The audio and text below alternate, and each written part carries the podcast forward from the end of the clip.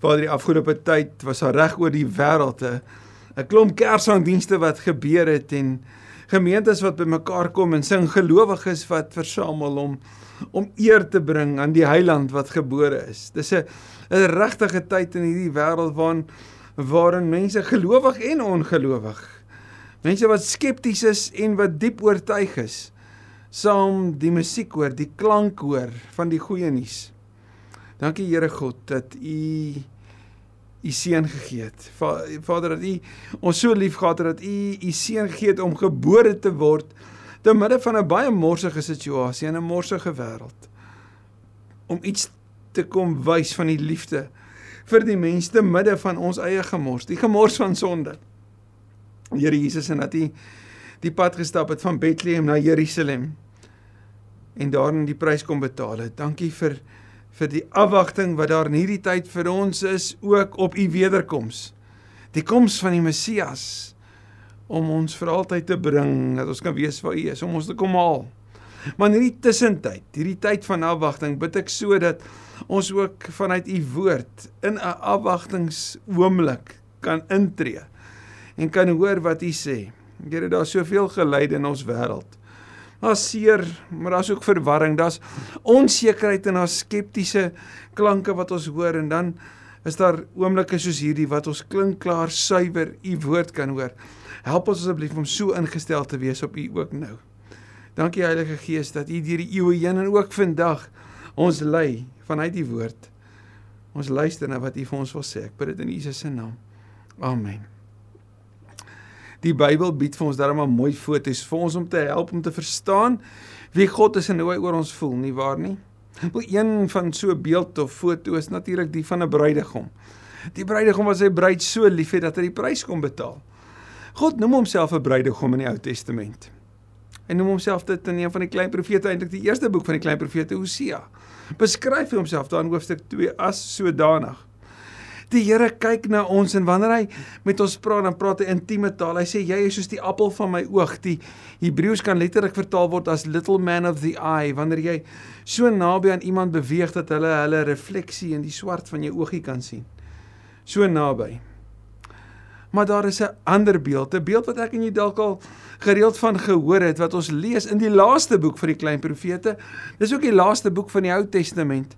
'n boek wat afspeel na die tyd van van Esdra wat die wat saam met Serubabel die tent, tempel kom bou het en die godsdienst kom herstel het.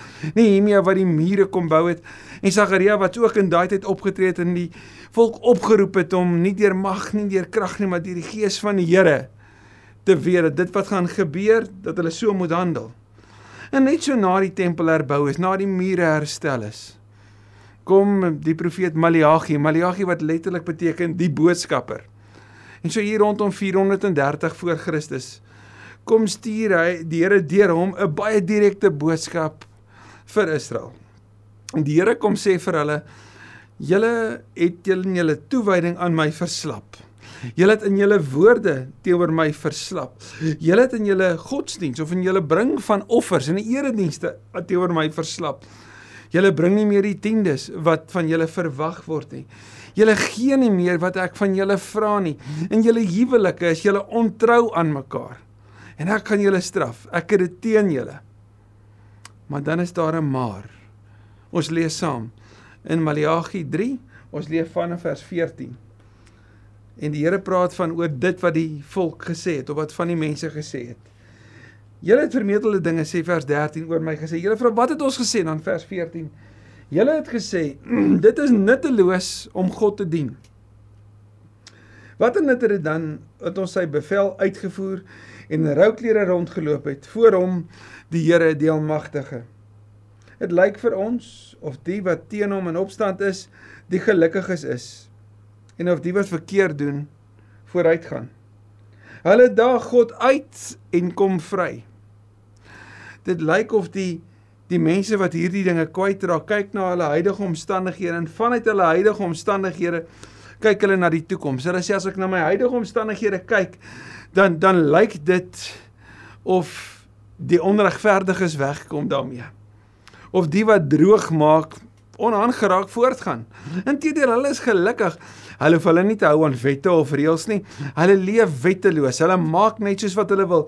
En hulle kom weg daarmee. Wel, as hulle nou daarmee wegkom, dan is dit tog duidelik hulle gaan in die toekoms ook daarmee wegkom. So, wat help dit om die regte goed te doen?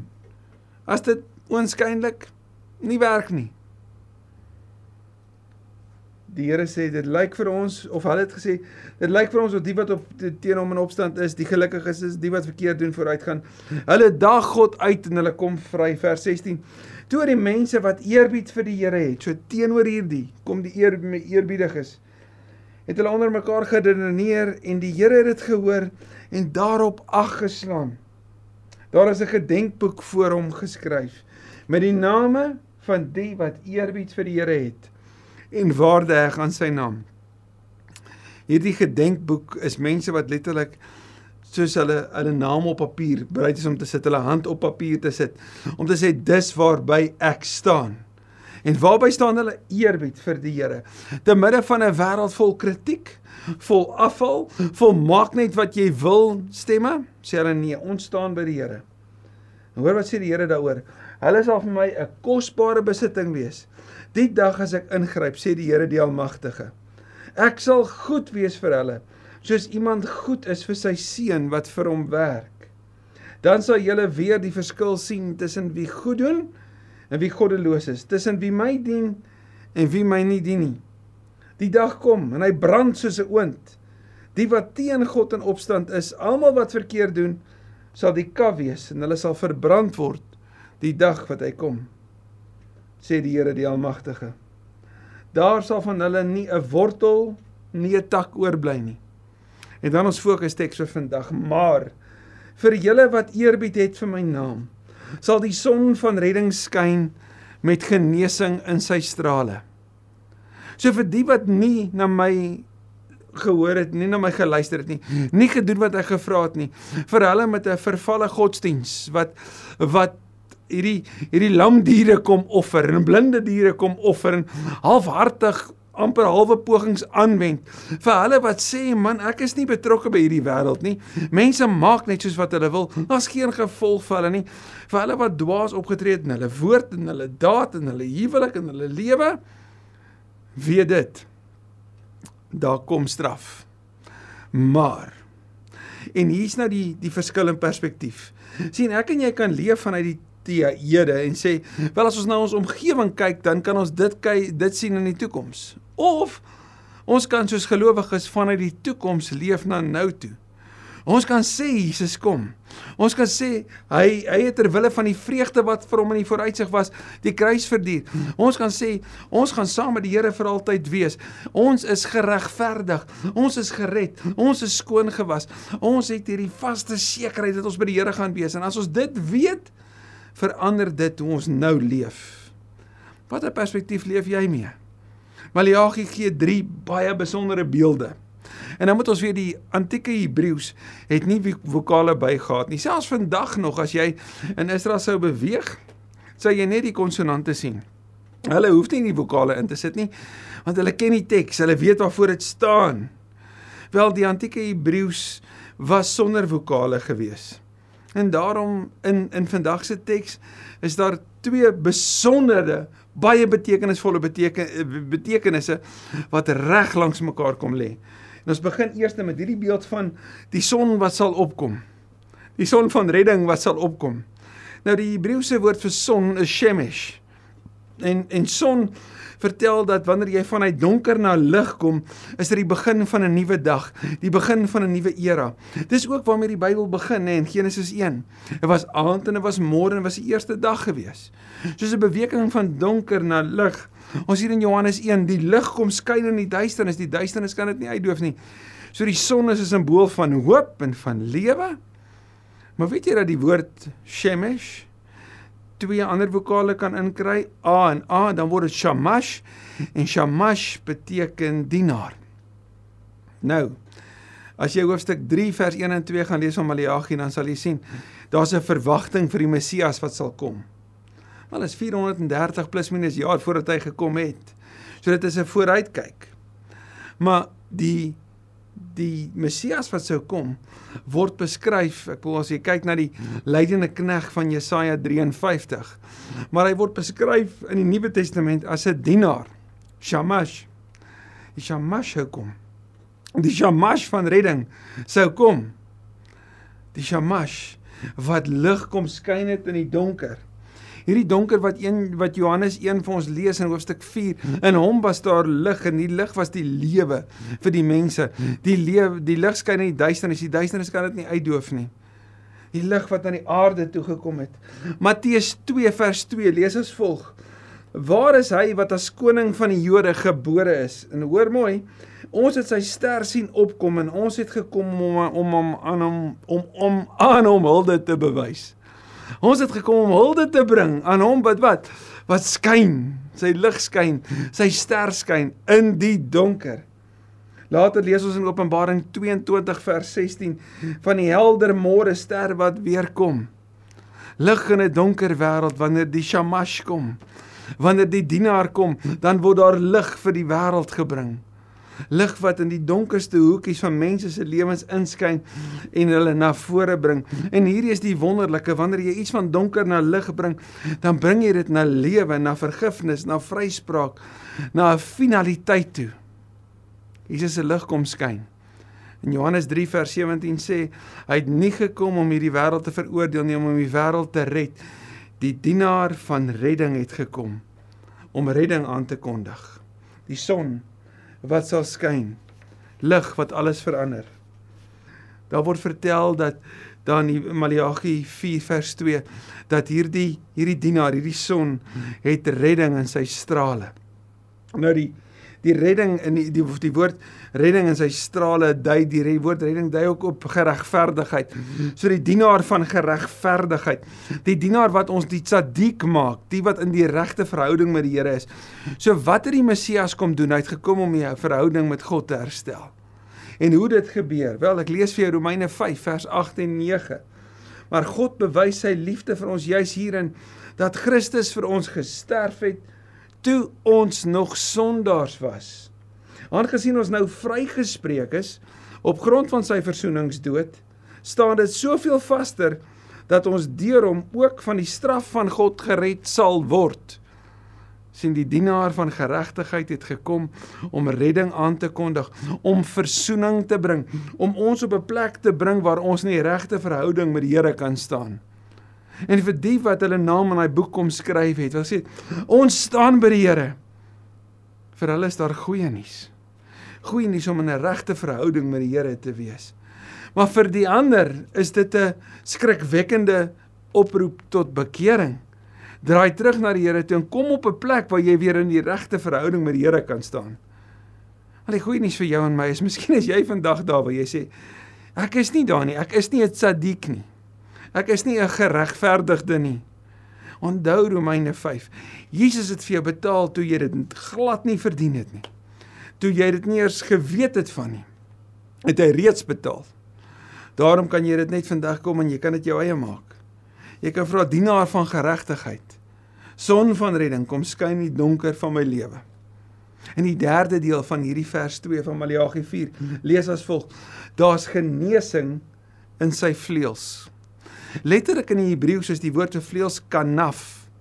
En en die vleuels kan dui op die kleed van 'n van 'n bruidegom wat amper soos Boas van ouds vir rit onder sy vleuels in sou neem. En haar sê daar's beskerming. Eers sê hy van mag die Here dit met jou doen, maar dan later is hy die een wat dit dan ook as haar haar man doen. Maar maar hoor wat sê wat sê Maleagi, daar's genesing in die vleuels van die Rabbi, van die Messias wat sal kom. Nou ja, die vleuels in die huweliksterm sê kom in en dan is jy myne. Maar daar's 'n ander beeld. Hierdie hierdie woord kanaf in in Deuteronomium lees ons ook van die tzitzit wat die tossels was wat aan die kleed van die rabbi of van dan ook dan nou die Messias sou wees.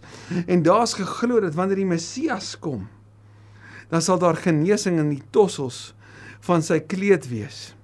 Nou kom ek neem jou na twee gedeeltes toe. Markus 6 vers 56 lees as volg: Waar hy ook al in die dorpe of stede of plase gekom het, het die mense die siekes op die bymekaar kom plekke neergesit en hom gevra dat die siekes tog maar net aan die soem van sy klere mag raak. Die kanaf. En almal wat aan hom geraak het, het gesond geword. Daar's genesing in die kanaf van die Messias. En jy ken dalk hierdie gedeelte, maar in Lukas 8 vers 44 is daar hierdie vrou, hierdie vrou wat vir 12 jaar konstant gebloei het. Sy het aan bloedvloeiing gely. Sy het al haar geld aan die dokters en aan die mediese hulp van daai tyd uitgegee. So sy het niks gehad nie. Al wat van haar gevra was, was om oral waar sy gaan te sê onrein, onrein, onrein. Niemand sou aan haar gevat het nie en niemand sou naby haar gekom het nie. Maar sy het geglo in die genesing van die kanaf van die Messias. sien wanneer sy na Jesus toe kom, dan buig sy en sy ryk uit en sy vat aan die tossels van sy kleed. Ons lees, sy het nader gekom en van agter af aan die soem van sy klere geraak en haar bloedvloeiing het onmiddellik opgehou. Maar vir julle wat eerbied het vir sy naam, sal die son van redding, die son van geregtigheid, ja die seun van geregtigheid skyn met genesing in sy vleuels, met genesing in sy kanaf. En wat is die Die gevolg hiervan Maleagi 2 sê: "Julle sal vry word en bokspring soos vetgemaakte kalwers wanneer die Messias in jou lewe inkom, wanneer die Here jou kom red soos wat hy gekom het om te doen. Want Jesus Christus die Here beteken hy is die redder, hy's die gesalfde en hy is die koning. Wanneer hy in jou lewe inkom, dan verander hy alles. Hy maak jou vry van skuldgevoel. Hy bring jou in die regte verhouding met die Vader. Hy kom genees jou van hierdie siekte van sonde. En ek gee vir jou rede vir blydskap. Spurgeon sê dit as volg: For us the night will be short when the morning comes. In die donkerte. Ja, in die donkerste skyn die lig die helderste. En op hierdie oomblik in hierdie wêreld het ons baie redes om te sê Here, dit is donker. Vader, dis pikdonker. Dit voel vir ons so. Dit voel dalk vir ons soos daai donker nag in Bethlehem. Toe al wat geleide was was die skape wat dalk op die velde was met die herders daar by hulle. En toe staan engele. En toe staan die klank van 'n geboorte. En die aankondiging vir die wêreld is dat die lig gebore is. Die vredevors. Hier's goeie nuus. God het welbehaag in hierdie tyd van afwagting hoor dat die son van redding skyn. Weet jy wat C.S. Lewis hieroor geskryf? Ek lees vir jou. I believe in Christianity like I believe the sun has risen.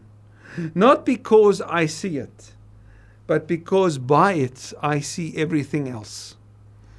As Jesus eers opgestaan het in jou lewe, as hy eers die lig kom skyn dit in die donker plekke in jou lewe, kan jy eenvoudig nooit weer dit anders sien nie. Ons sien dit in Petrus se lewe. Jy weet Petrus wat daar in die donker nag gesê het ek ken hom nie. Wel hy kry die kans om in 'n in 'n oggend by 'n visbraai in helder lig te kan sê ja Here ek het U lief. En dan skryf hy self in sy eerste brief 1 Petrus 1 vers 19 en dit het vir ons die boodskap van die profete nog meer bevestig. Hierdie boodskap is soos 'n lamp wat in 'n donker plek skyn. Julle sal goed doen as julle in sy lig bly totdat die dag aanbreek en die môre ster opkom in julle harte. O Petrus sou sê, dit het met my gebeur. Daar was 'n oggend gewees toe die dag gebreek het en die môre ster opgekom het in my hart. Daar was 'n oomblik gewees waar ek op 'n oggend wakker geword het en daar was 'n klop aan die deur en die woorde was ons Here is nie meer daar nie en ek het na die graf toe gehardloop. In die donkerste plek van my lewe het ek ontdek hy's nie meer daar nie want hy het opgestaan. Die môre ster het opgekom. Het dit donker geword in jou lewe? Het dit dalk donker geword in jou gemoed? Donker geword om jou? Het jy dalk by 'n plek gekom waar jy sou sê Wat help dit? Wat help dit? Kyk ek om my word die gelukkiges gelukkiger en die mense wat reg doen ongelukkiger. Hulle kry swaar. Dit lyk vir my of in die onregverdigheid van hierdie lewe, die wat regtig reg doen en reg wil hê, asof hulle die duurste prys daarvoor betaal. Wat help dit? Hoor die woord van die Here. Vir die wat eerbied het vir sy naam, sal sal sal sal die son van redding skyn. En dit het want die Messias het gekom. Jesus is gebore. Die redder het gekom. Deur sy wonde is daar vir ons genesing gebring. Dis hy wat vir daai vrou kon sê, het niemand die oordeel oor jou voltrek nie. Ek doen dit ook nie. Dis hy wat vir Saggeus sê, ek moet by jou kom eet. Sy wat genesing gebring het vir die blindes, hoop gebring het vir die wese wat trane afgedroog het, maar is ook hy wat gesê het Vader, my Vader, Vergeef hulle want hulle weet nie wat hulle doen nie. Het jy al by 'n plek gekom in jou lewe waar jy die donkerste deel van jou hart oopgemaak het en wagmoedig gesê Here kom skyn. Kom skyn daar waar ek wegkruip. Kom skyn daar waar dit stik donker is en ek dit so nodig het. Kom bring redding. Ja, mag die son van geregtigheid, die son van redding so helder in jou lewe inskyn dat jy die dienaar van geregtigheid daar sal ontmoet. Sodat jy sal weet daar is genesing onder sy vleuels. Daar is genesing in die kanaf van sy kleed. Daar's genesing vir jou en my. En as jy genesing beleef, gaan leef met die vreugde, met die vrede, met die blydskap waarvan Maleagi 4 vers 2 ook praat. Amen. Kom ons bid. Sjoe Here, u woord is so diep en so beeldryk en tog so so toepaslik. Toe Maleagi hierdie hierdie woorde geuiter het en dit neergepen is. Wonder ek wat die aanvanklike hoorders gehoor het wonder ek hoe hulle wat eerbied vir u naam het wat gesê het Here ek staan by u. Hier staan ek. Dit glo ek. Of hulle ooit sou weet hoe mooi die uitvloeisel van hierdie boodskap vir die wêreld was. Here Jesus u het gekom. En die wêreld is vir altyd anders omdat u gehoorsaam was omdat u die prys betaal het. Ek bid so dat wie ook al hierna luister vandag die waagmoed sal hê om sy of haar hand in u hand te plaas. Here om te hoor dat u ons kom ontmoet op die donkerste plekke want u sagmoedig en nederig van hart. Daar's dalk iemand hier wat sê vir 12 jaar ly ek al. Vir 12 jaar al probeer ek allerlei ander dinge en ek is moeg geprobeer op ander plekke. Here, ek wil na u toe kom. Dankie dat daar genesing en vergifnis is en liefde en 'n gasvrye hart wat sê welkom by u is. Dankie dat ons nie gaste by u is nie, maar kinders wat bly. Soos Psalm 23 dit sê. Dankie dat die son van redding geskyn het toe die seun van geregtigheid gekom het. In Jesus se naam bid ek dit. Amen. Kan ek vir jou die woorde van Paulus bid? Wat hy vir die gemeente in Tessalonika sê. Hy bid dit vir hulle in hierdie tweede brief in 2 Tessalonisense 2. En hy bid dit vir 'n gemeente wat in afwagting is vir die koms van die Here. En ja, hierdie is 'n tyd van afwagting. Jy sal ook sien die tekste wat ons lees tot en met Kersdag is afwagtingstekste. Dis opboutekste. Dit berei ons harte voor. Maar in hierdie tyd is Paulus se woorde vir hulle net so ook my gebed vir jou en vir ons as gelowiges wat agter Jesus aanstap. 2 Tessalonisense 2 sê vers 16 en 17: "En mag julle in al die goeie wat julle in woord en daad doen, bemoedig en gesterk word deur ons Here Jesus Christus en God ons Vader. Hy het aan ons sy liefde bewys en aan ons deur sy genade 'n blywende troos en 'n goeie hoop gegee. Amen. Amen.